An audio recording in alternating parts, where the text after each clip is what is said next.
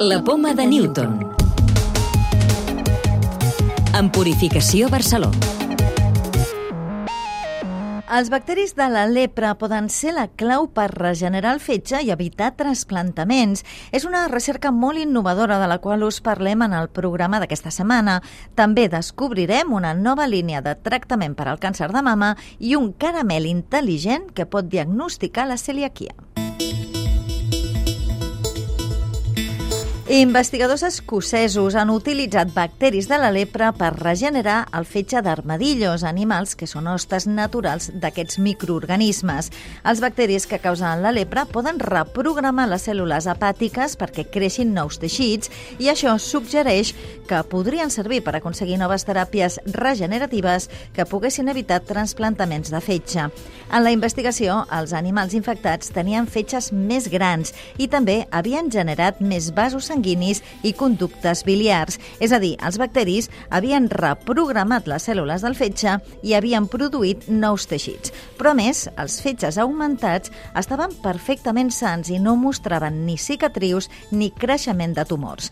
Elisabet Engel és investigadora principal del grup de biomaterials per a teràpies regeneratives de l'IBEC i catedràtica de la UPC. Li canvia una mica l'expressió dels gens d'aquestes cèl·lules i fa que es tornin cèl·lules capaces de dividir-se com ho fa el fetge quan es regenera quan hi ha hagut un dany. El que passa que ells ho han fet sense provocar aquest dany.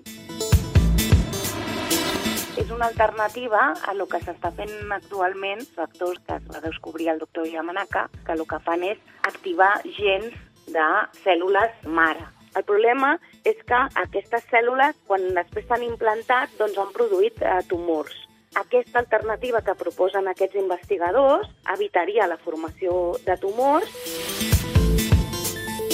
el que estan obrint és una nova via de regenerar, de modificar les cèl·lules perquè siguin capaces de tornar a crear teixits. Llavors, jo crec que és una eina novedosa que pot obrir una nova forma de regeneració. El fet que l'estratègia hagi funcionat també en un tipus de cèl·lules nervioses fa pensar alguns investigadors que podria ser útil en el futur per regenerar diferents òrgans.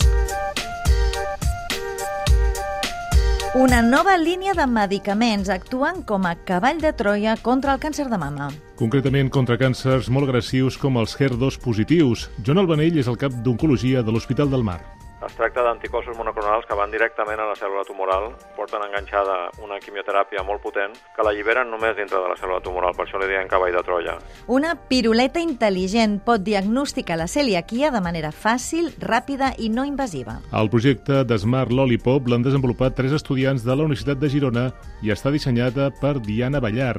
És similar als mètodes que ja es fan servir per saber si una infecció de gola té un origen víric o bé bacterià, com explica Jaume Pérez, cap d'innovació de Sant Joan de Déu el pediatre li dona la piruleta, la substància, en aquest cas de marcador, entraria dintre de la piruleta i una màquina et marcaria que aquesta substància que està dintre de la piruleta ha activat un sensor que et donaria positiu o negatiu en funció del que tu vulguis mirar. L'Hospital del Mar és capdavanter en una nova tècnica pionera d'anàlisi genètica que permet estudiar fragments molt grans d'ADN i elaborar un mapa de les molècules que el formen per detectar-hi alteracions. La nova estratègia permet obtenir fotografies fotografies molt precises de les alteracions cromosòmiques del genoma i això ajuda a avançar en el diagnòstic de diferents patologies i també a trobar possibles marcadors del tractament. Es podria aplicar en malalties genètiques, tumors sòlids o bé càncers hematològics. Llibres de ciència. Aquesta setmana us parlem d'un nou llibre d'anàlisi del CSIC. Los superalimentos de la investigadora Jara Pérez Jiménez, doctora en Ciència i Tecnologia dels Aliments, analitza les bases científiques i també nutricionals d'alguns productes que es considera que tenen propietats especials i beneficioses per la salut. L'obra, inclosa en la col·lecció Sabemos què, ens parla, entre d'altres, del gingebre, l'espelta, la cúrcuma o les baies de goji i també inclou recomanacions per detectar possibles mentides vinculades amb l'alimentació. El llibre té com a objectiu donar base científica a idees que s'han estès als últims temps sobre suposades propietats poderoses d'alguns productes, en aquest sentit, la investigadora analitza diversos grups d'aliments per avaluar o desmuntar aquestes teories i ajudar-nos a decidir quins productes incorporem a la nostra dieta per millorar la nostra salut. La clau de volta. Què vol dir que algú és superportador del coronavirus? Adelaida Sarucan, doctora en immunologia i investigadora d'IS Global. S'ha vist que un 20% de persones són responsables d'un 80% dels contagis.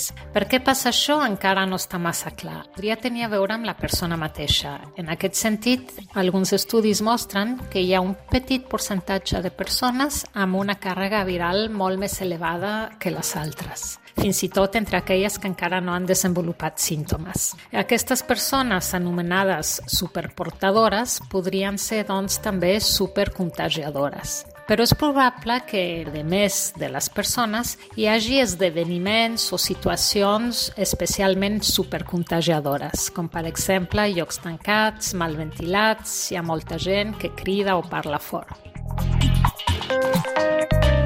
Recordeu que podeu descarregar-vos el podcast de la Poma de Newton o subscriure-us al programa per rebre'l directament als vostres dispositius.